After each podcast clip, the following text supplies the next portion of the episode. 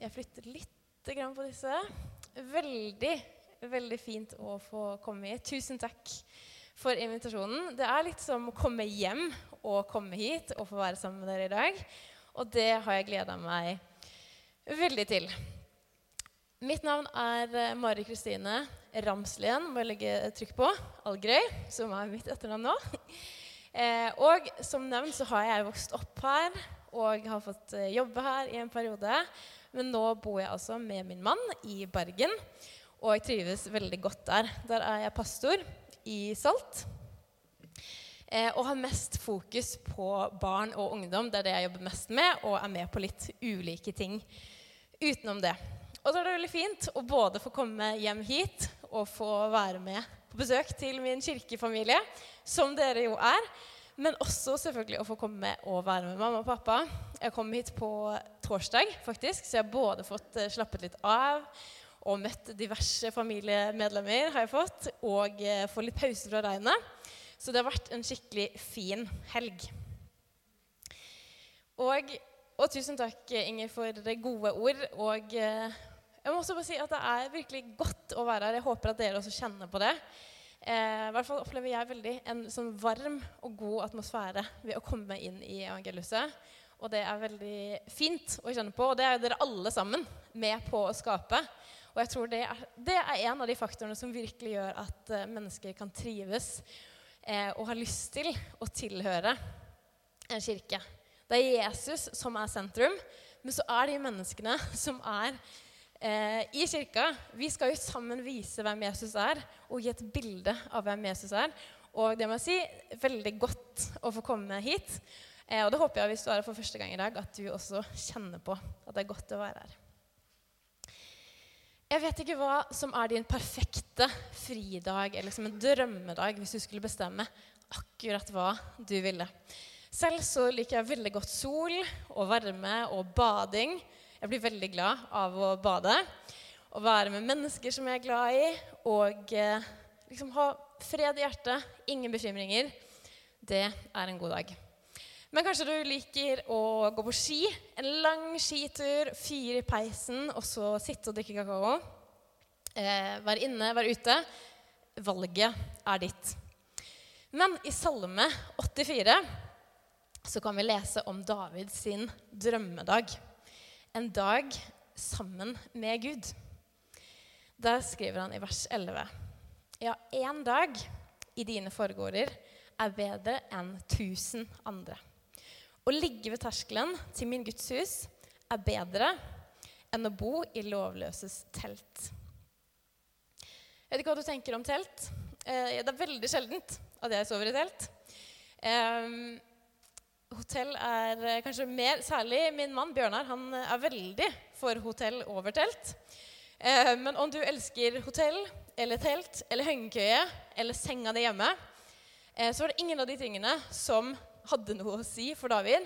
Det han ville, var å få ligge ved terskelen til Guds hus. Hvis han bare kunne få være litt i nærheten av der Gud var, så var det hans drømmedag.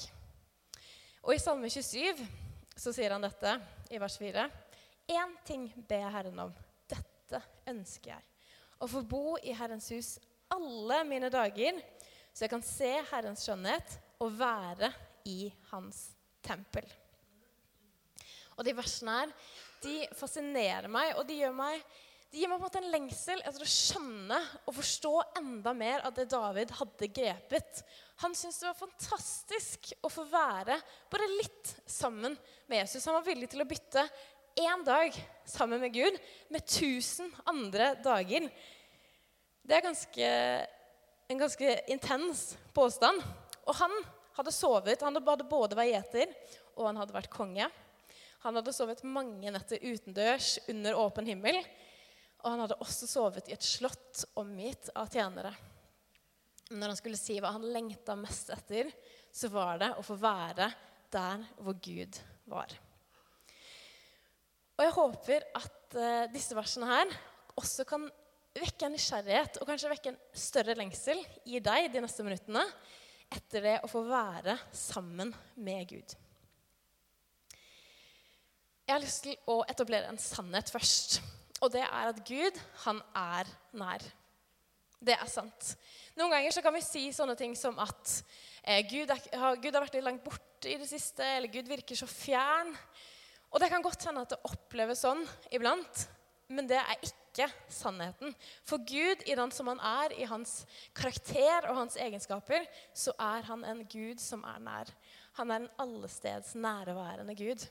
Og Jesus blir kalt Immanuel når han blir sendt ned til jorda, som betyr at Gud med oss. I sin karakter så er Gud en Gud som er nær. Og det sier også Paulus når han skal ha en tale til folkene i Aten. Han sier han, altså Gud, er jo ikke langt borte fra en eneste av oss. For det er i ham vi lever, beveger oss og er til. Gud er nær, Gud er med, Gud forandrer seg aldri, Gud er evig. Men vi forandrer oss jo ofte, og fokuset vårt det skifter både hit og dit. Ofte så skjer det også ganske fort. Og i tillegg så kan vi jo bli litt eh, Vi blir opptatt av oss selv, vi blir opptatt av alle de tingene som skjer i våre liv. Og glemmer kanskje å stoppe opp og kjenne på og tenke over at Gud faktisk er nær. At han har lovet å gå med oss alle dager helt til jordens ende. Og så tror jeg faktisk at vi noen ganger Eh, eller noen kan stille spørsmålet hvor langt unna Gud kan jeg være og fortsatt kalle meg en kristen? Og det er egentlig et ganske dumt spørsmål, fordi da går du glipp av det aller beste med å kjenne Jesus.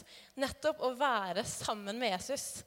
Det å få kjenne han og få vite hvem han er. Det er noe godt i nærheten av han. Det er godt å leve tett på Jesus. Så spørsmålet vårt det burde heller være hvor nærme kan jeg komme? Hvor godt kjent kan jeg få bli med Jesus? Hvor tett kan, være, kan jeg få ha han i livet mitt? Og vi kan få velge å ta imot invitasjonen hans om å leve tett på ham. Og Jeg skal bruke Salme 23 de neste minuttene for å se litt på hva er det egentlig da som er så fint med å være i nærheten av Gud. I Salme 23 det er en ganske velkjent salme. Det var kanskje en av de første tingene som jeg ble eh, overbevist om at det var fint å lære seg utenat. Eh, så jeg lærte meg Salme 23 utenat da jeg var ganske liten. Og mange har sikkert hørt den en del ganger. En klassisk salme. Men hva betyr det? Hva er det som ligger der? Salmen er jo pakka med bilder og med innhold. Og i den salmen her så finner vi beskrivelse av Gud i tre forskjellige roller. Og også vårt forhold til Gud. Det første er at vi finner ham som en gjeter, og oss som sauene. Det andre er at vi finner Gud som en veiviser, og oss som en vandrer som kanskje mister litt retningen, går seg litt bort. Og det siste er at vi finner Gud som en vert, og oss som en gjest. Og det som er så fint med alle de rollene her, er at i alle rollene så er vi satt på det stedet hvor vi får ta imot fra Gud. For ofte så kan vi havne i en liksom feil fortelling om at vi, skal, eh, at vi har masse å tilby Gud, at vi har masse ting vi skal gjøre for Gud. At det er det det å følge Jesus handler om. Men vi får faktisk lov til å være i en posisjon overfor Gud hvor vi kan ta imot, og hvor vi kan få bli leda av ham. Det første bildet er også Gud som en hyrde. Der står det Herren er min hyrde, jeg mangler ikke noe. Han lar meg hvile i grønne enger, og han leder meg til vann der jeg finner hvile. Han lar meg ligge i grønne enger. Det høres ut som en skikkelig deilig sommerdag. Ligge i gresset, bade litt i vannet. Eller jeg tror det er ment at man skal drikke det vannet egentlig i den historien. Man kan jo bade litt også.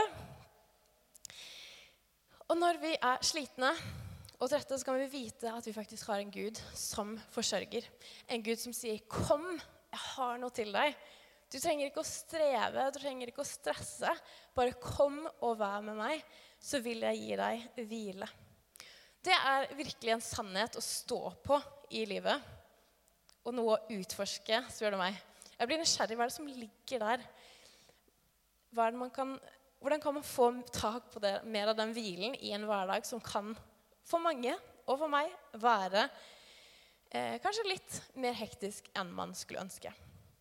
Selv om salmene er i Det gamle testamentet, så snakker Jesus også ofte om nettopp det bildet med eh, sauene og hyrden, eller gjeteren. Jesus sier at han er den gode hyrden, og han er ikke en sånn sommervikar som når det blir litt eh, vanskelig, så stikker han. Nei, Jesus er faktisk den gode hyrden som er villig til å ofre livet sitt for sauene. Og det står at sauene de kjenner stemmen min. En hyrde som er tett på. I tillegg så forteller jo Jesus lignelsen om de hundre sauene og den ene som blir borte. Og gjeteren som begir seg ut, er villig til å gjøre hva som helst for å få tak på den ene som har rota seg bort. Ingen vil han miste. Han har ikke noen for mange, han har ingen å miste. Og han, eh, og han går etter den som er borte. I Markus kan vi lese at Jesus fikk inderlig medfølelse med ham altså da han så folkemengden som fulgte ham, for de var som sauer uten gjeter. Og sauer er jo søte dyr, men de er kanskje ikke de smarteste dyrene. Så en liten eh, fornærmelse mot oss mennesker, men i forhold til Jesus så er vi litt sauer. Vi går litt våre egne veier. Vi tror at vi skal fikse selv og finne gresset selv og finne de beste stiene. Men vi trenger en gjeter. Og vi får lov til å være i nærheten av den gjeteren. Skaperen, Gud den allmektige. Vi kan få ta imot, og vi trenger faktisk ikke å klare alt selv. Det andre bildet er at Gud er som en guide eller en veiviser. Det står han gir meg nytt liv. Han fører meg på rettferdighetsstier for sitt navns skyld. Om jeg enn skulle vandre i dødsskyggens dal, så frykter jeg ikke noe ondt, for du er med meg. Din kjepp og din stav, de trøster meg. Og En gang så kjørte jeg fra Odda til Bergen. Eh, noen av dere har sikkert kjørt der før. Og det er veldig mange tunneler på de strekningene på Vestlandet. Det er mange fjell der. Det har dere sikkert eh, vært borti. Og det som var at Mange av stedene var det veiarbeid, og det var mye venting, og det var eh, lys, og det var kolonnekjøring med ledebil. Eh, av en eller annen grunn så hadde jeg det for meg at kolonnekjøring var noe man gjorde på vinteren bare. Men det funker på sommeren òg. Det skjedde. Og på det ene stedet så kom jeg først til det røde lyset, eh, og det var en tunnel foran meg. Eh, og fikk beskjed av en dame på siden at jeg skulle stå og vente på en ledebil. Og jeg tenkte at jeg skal jo inn i en tunnel, så det er sikkert ikke så mange forskjellige veier inni den tunnelen som jeg kan velge mellom. Så jeg klarer vel egentlig å kjøre gjennom tunnel selv. Eh, men jeg sto der og venta ca. ti minutter, og så kom denne ledebilen. Og på taket så sto det 'Ledebil, følg meg'. Og da tenkte jeg selvfølgelig at det var litt klassisk Jesus-ting å si. Og det sier kanskje noe om hvor mye jeg har vært i kirka, og hvor lite jeg kjører bil. Eh, for jeg har aldri hatt min egen bil. Eh, den var også lånt den jeg kjørte da.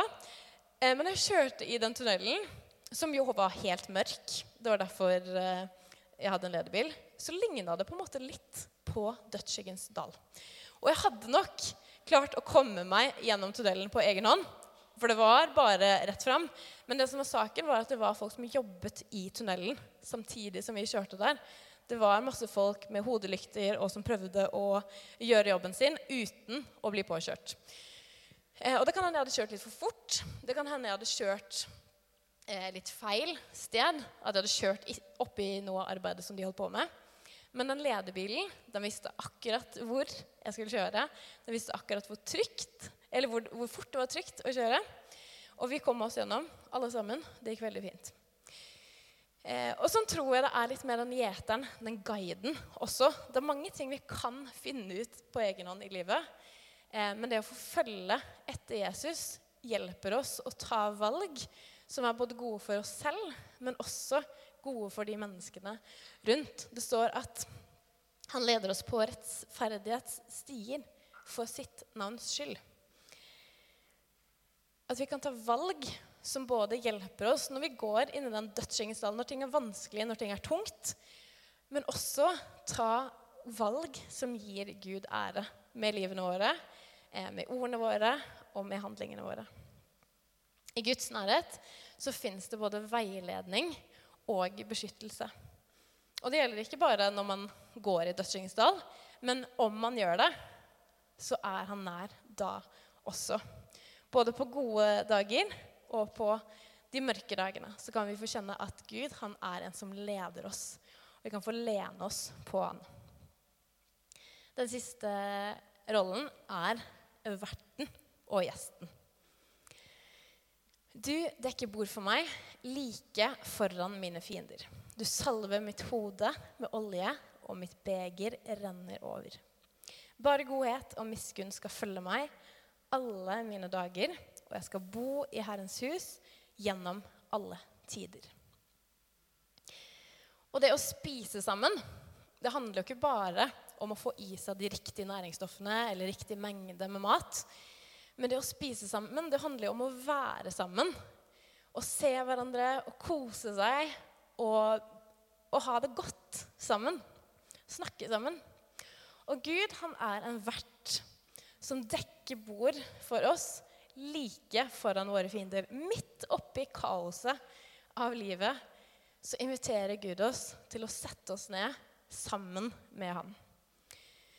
Og det å dekke bord foran fiendene det er jo et litt rart bilde, på en måte. Men i Midtøsten på den tiden, og også i noen kulturer i dag, så er det sånn at hvis du er gjest, så har verten lovet å beskytte deg. Det går på hans ære at du skal ha det godt, at du skal ha det trygt. Om så de som følger deg, står utafor døra og roper 'send han ut', så er det vertens rolle å beskytte deg og holde deg trygg. Og sånn er Gud for oss. Midt i de kampene som vi står i i livet, midt i det som kan være tungt og vanskelig, så, så, så skal vi ikke bare gjemme oss i en krok, men så sier faktisk Gud du kommer til å sette deg ned her. Du kan få hente nye krefter. Du kan få stoppe opp og være sammen med meg. Det er et veldig fint tilbud, men også lett kanskje å overse. I Lukas så er det veldig mange historier om at Jesus besøker forskjellige mennesker, at han spiser med forskjellige mennesker, og en av de er Sakkeus. Og Sakkeus har jo litt dårlig rykte i byen, men han har veldig lyst til å se Jesus. Så når han får høre at Jesus er på vei inn i byen, så løper han, klatrer opp i et tre for å få et lite glimt av Jesus som går forbi. Men som noen av dere husker, så stopper faktisk Jesus opp. Og som den hyrden, den gode hyrden som kjenner sauene sine, som kjenner hver enkelt person, så sier Jesus, 'Sakkeus, kom ned.' For i dag vil jeg være gjest hos deg. Og så snur det egentlig litt opp ned på rollene. For det er jo Jesus som egentlig er den som har noe å by på i møte med Sakkeus. Men Jesus blir med Sakkeus hjem og betjener han. Og vi vet ikke helt hva som skjer. Jeg skulle ønske at jeg kunne vite hva skjedde med Jesus og Sakkeus når Jesus var på besøk. Men det endrer virkelig noe i hjertet til Sakkeus. Han kommer ut av huset og sier, 'Jeg har lyst til å gi flere, flere ganger tilbake det som jeg har tatt av mennesker.' Det å få lov til å være sammen med Jesus og få kjenne på at han er en vert, få ta imot det som han har, det er en helt nydelig ting. Og det forandrer oss. Det forandrer meg, og det forandrer hver enkelt som kommer i Jesu nærhet. Det siste er jo 'Jeg skal bo i Herrens hus gjennom alle tider'. Og det minner litt om Salme 27, 4, som jeg leste fra tidligere. Én ting ber jeg Herren om. Dette ønsker jeg. Å få bo i Herrens hus alle mine dager, så jeg kan se Herrens skjønnhet og være i Hans tempel. Om sommeren så pleier vi å leie ut leiligheten vår på Airbnb. Eh, og jeg har faktisk nesten ikke møtt noen av de som har bodd der. Eh, for vi har bare vaska leiligheten, gjort det klart, hengt ut en nøkkel og vært tilgjengelig. Eh, og likevel så hadde jeg en periode tittelen 'Superhost', altså en supervert, som jeg var ganske stolt av. Eh, men så måtte jeg kansellere en booking, og da rakner alt. Så det ødela ryktet mitt. Men selv om jeg var en supervert på Airbnb, så var det ikke meg folk kom for å møte. Det var jo leiligheten de hadde, de hadde, sett noen bilder. De skulle bo der, de skulle på ferie i Bergen. Men sånn er det ikke med Gud. Når Gud er verdt, så er det han det handler om. Det er ikke huset hans, det er ikke tingene han kan gi oss. Men det er nettopp det å få se på Gud, få være i hans nærhet. Det er det som forandrer oss. Og vi kan kanskje noen ganger eh, feste blikket vårt litt for mye på Guds hender. På hva vi har lyst til å få av han, å glemme å stoppe opp og se i ansiktet hans, se Gud i øynene. Ikke, ikke helt eh, bokstavelig talt, selvfølgelig. Jeg skulle ønske det, og jeg gleder meg til å se Jesus inn i øynene. Det kommer til å bli evighetens høydepunkt, tror jeg. Eh, men det å være sammen med Gud uten alltid å ha en agenda, og uten å tro at Gud alltid har en agenda med oss òg Gud har lyst til å være sammen med oss og vi kan få lov til å være sammen med ham. Og alle de relasjonene de krever på en måte nærhet for at de skal fungere. En gjeter kan ikke gjete sauene hvis han er langt borte. Det er mye vi har blitt vant til å gjøre på avstand nå, eller digitalt. Men det er ikke sånn det her funker. En gjeter må være sammen med sauene for å se om det er noen som går seg bort, for å lede dem til gress, for å beskytte dem mot farer. Og en guide, en turguide eller en veiviser må jo bli med den som går på tur, hvis det virkelig skal være til nytte.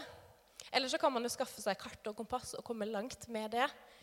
Men en guide det er ingenting som å gå sammen med en som vet hvor de farlige stedene er, som vet hva de lure løsningene er. En som klarer å tenne bål selv om det regner og alt er vått. Sånn er Gud midt oppi livet vårt. Og vi får lov til å være gjester hos Gud. Få sette oss ned ved bordet hans uten eh, Og vi får lov til å ta imot de ressursene som han har til oss. Og jeg synes også det er veldig fint at I alle de illustrasjonene så er Gud den som tar ansvar. Vi kan faktisk få lov til å lene oss på han vi kan få kjenne på at der vi kommer til kort, der vi ikke strekker til, der vi ikke har alt som trengs, så har faktisk Gud det. Gud er rik på det meste. Han er bedre på oss til alle ting. Det fins ikke én ting i livet som jeg er flinkere til enn Gud, faktisk. Eh, eller det er kanskje ikke så rart. Jeg er et menneske, og det er du òg. Men likevel så får vi lov til å være med på Guds oppdrag i verden. Og det er jeg veldig glad for. Men Gud er den som kan, Gud er den som har, Gud er den som gir, og vi får først og fremst lov til å ta imot fra Han. Og hvordan er du egentlig på å ta imot? Vi lever jo i et samfunn hvor vi gjerne skal klare oss selv, og hvor vi skal få ting til, hvor vi har ansvar for både oss selv og familien vår men det at vi faktisk er sauer, vi er gjester, vi er de som kan få bli leda, få ta imot, få senke skuldrene, få sette oss ved det bordet og slippe å være den som har kontroll hele tiden, det syns jeg er fint.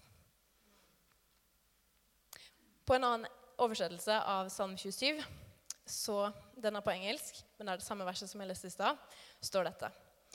Here's the one thing I crave from God, the one thing I seek above all else. I want the privilege of living with Him every moment in His house, finding the sweet loveliness of His face, filled with awe, delighting in His glory and grace. I want to live my life so close to Him that He takes pleasure in my every prayer. Dette høres ikke ut som noe dårlig samvittighet eller noe slit og strev. Det høres ut som en som nyter å være sammen med Gud. Og, og jeg tror at vi faktisk er skapt for å nyte Gud. Vi er skapt for å være sammen med Han. Og i vers 8, i en annen oversettelse, står det My heart has heard you say, Come and talk with me. And my heart responds, Lord, I am coming. Mitt hjerte hørte deg si, Kom og snakk med meg. Kom og vær med meg. Og hjertet mitt responderer, Herre, jeg kommer. Og det er en invitasjon som går ut til ditt hjerte og til alle oss. Du trenger bare å møte opp. Det er ikke noe du trenger å gjøre. Det er ikke en spleisefest Gud inviterer deg til her. Det er faktisk et ferdig dekka bord som du kan få lov til å komme til. Jesus er en bedre hyrde enn meg. Jesus er en bedre veiviser, en bedre vert. Vi kan få lov til å følge og bli leda og ta imot det han har. Men hvordan gjør man det, da? Det er ikke sikkert det faller deg så naturlig å være en som tar imot. Mange av oss har lyst til å være den som gir, den som alltid har noe.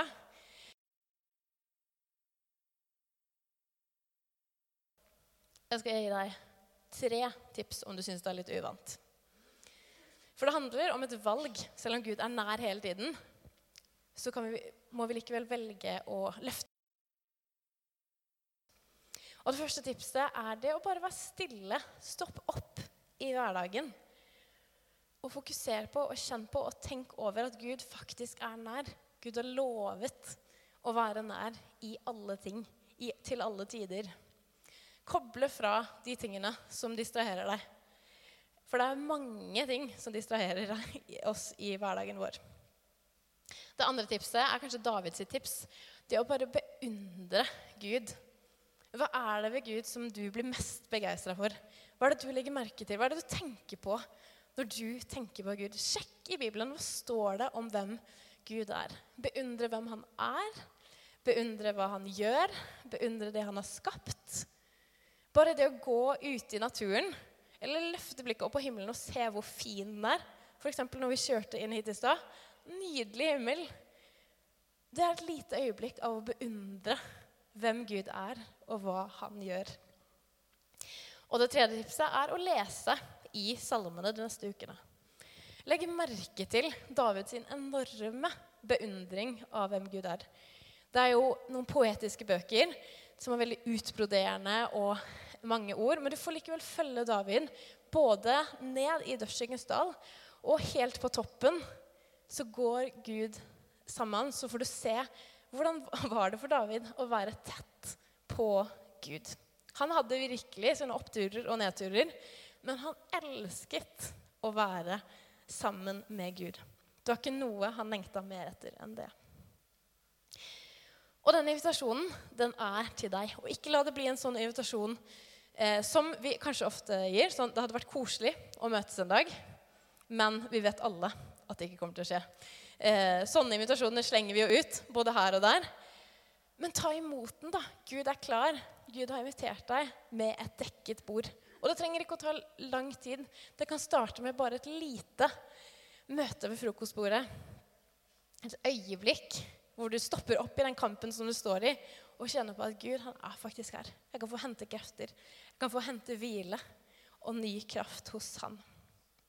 Og til slutt så vil jeg lese en invitasjon som Jesus gir til disiplene sine i Markus 6. Disiplene har nemlig tidlig blitt sendt ut for å spre evangeliet, for å be for folk, eh, og mer med det. Og så kommer de tilbake og er veldig ivrige for å fortelle Jesus hva de har gjort. Og kanskje ikke så ulikt oss. Det står apostlene samlet seg igjen hos Jesus og fortalte ham om alt de hadde gjort, og alt de hadde lært folket. Og han, altså Jesus, sa til dem, 'Kom med meg til et øde sted hvor vi kan være alene, og hvile dere litt.' For det var så mange som kom og gikk, at de ikke fikk tid til å spise engang. Og livet vårt kan være litt sånn iblant. Det er så mange som kommer og går, det er så mye som skal skje. Vi kan bli mer opptatt av å fortelle Jesus om det vi har gjort, og det som skjer i livet vårt, enn å være alene med han, hvile og bare beundre hvem han er. Jeg har lyst til å utfordre deg til å la dette bli en adventstid hvor du stopper opp og lar deg fascinere og berøre av at Jesus faktisk har kommet nær, at Jesus ble et menneske.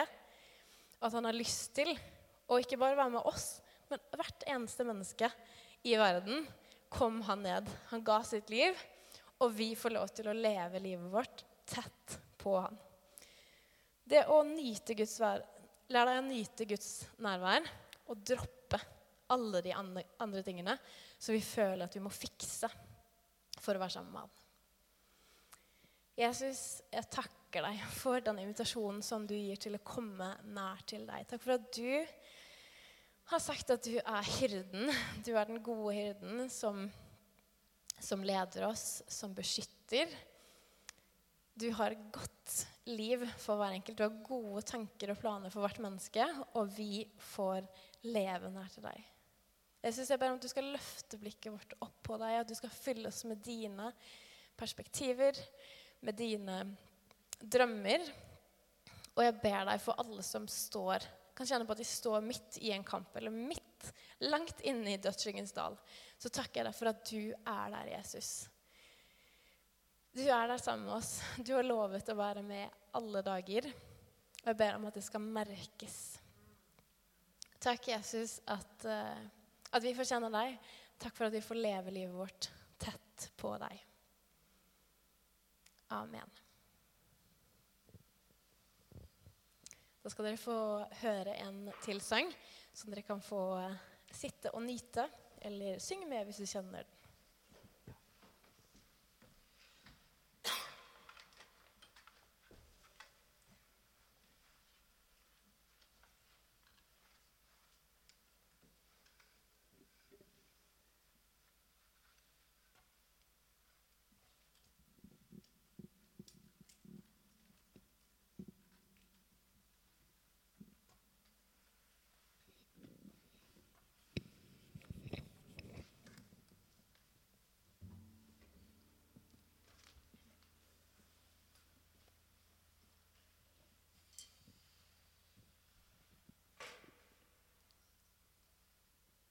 Ja, dette er den siste sangen vi skal synge.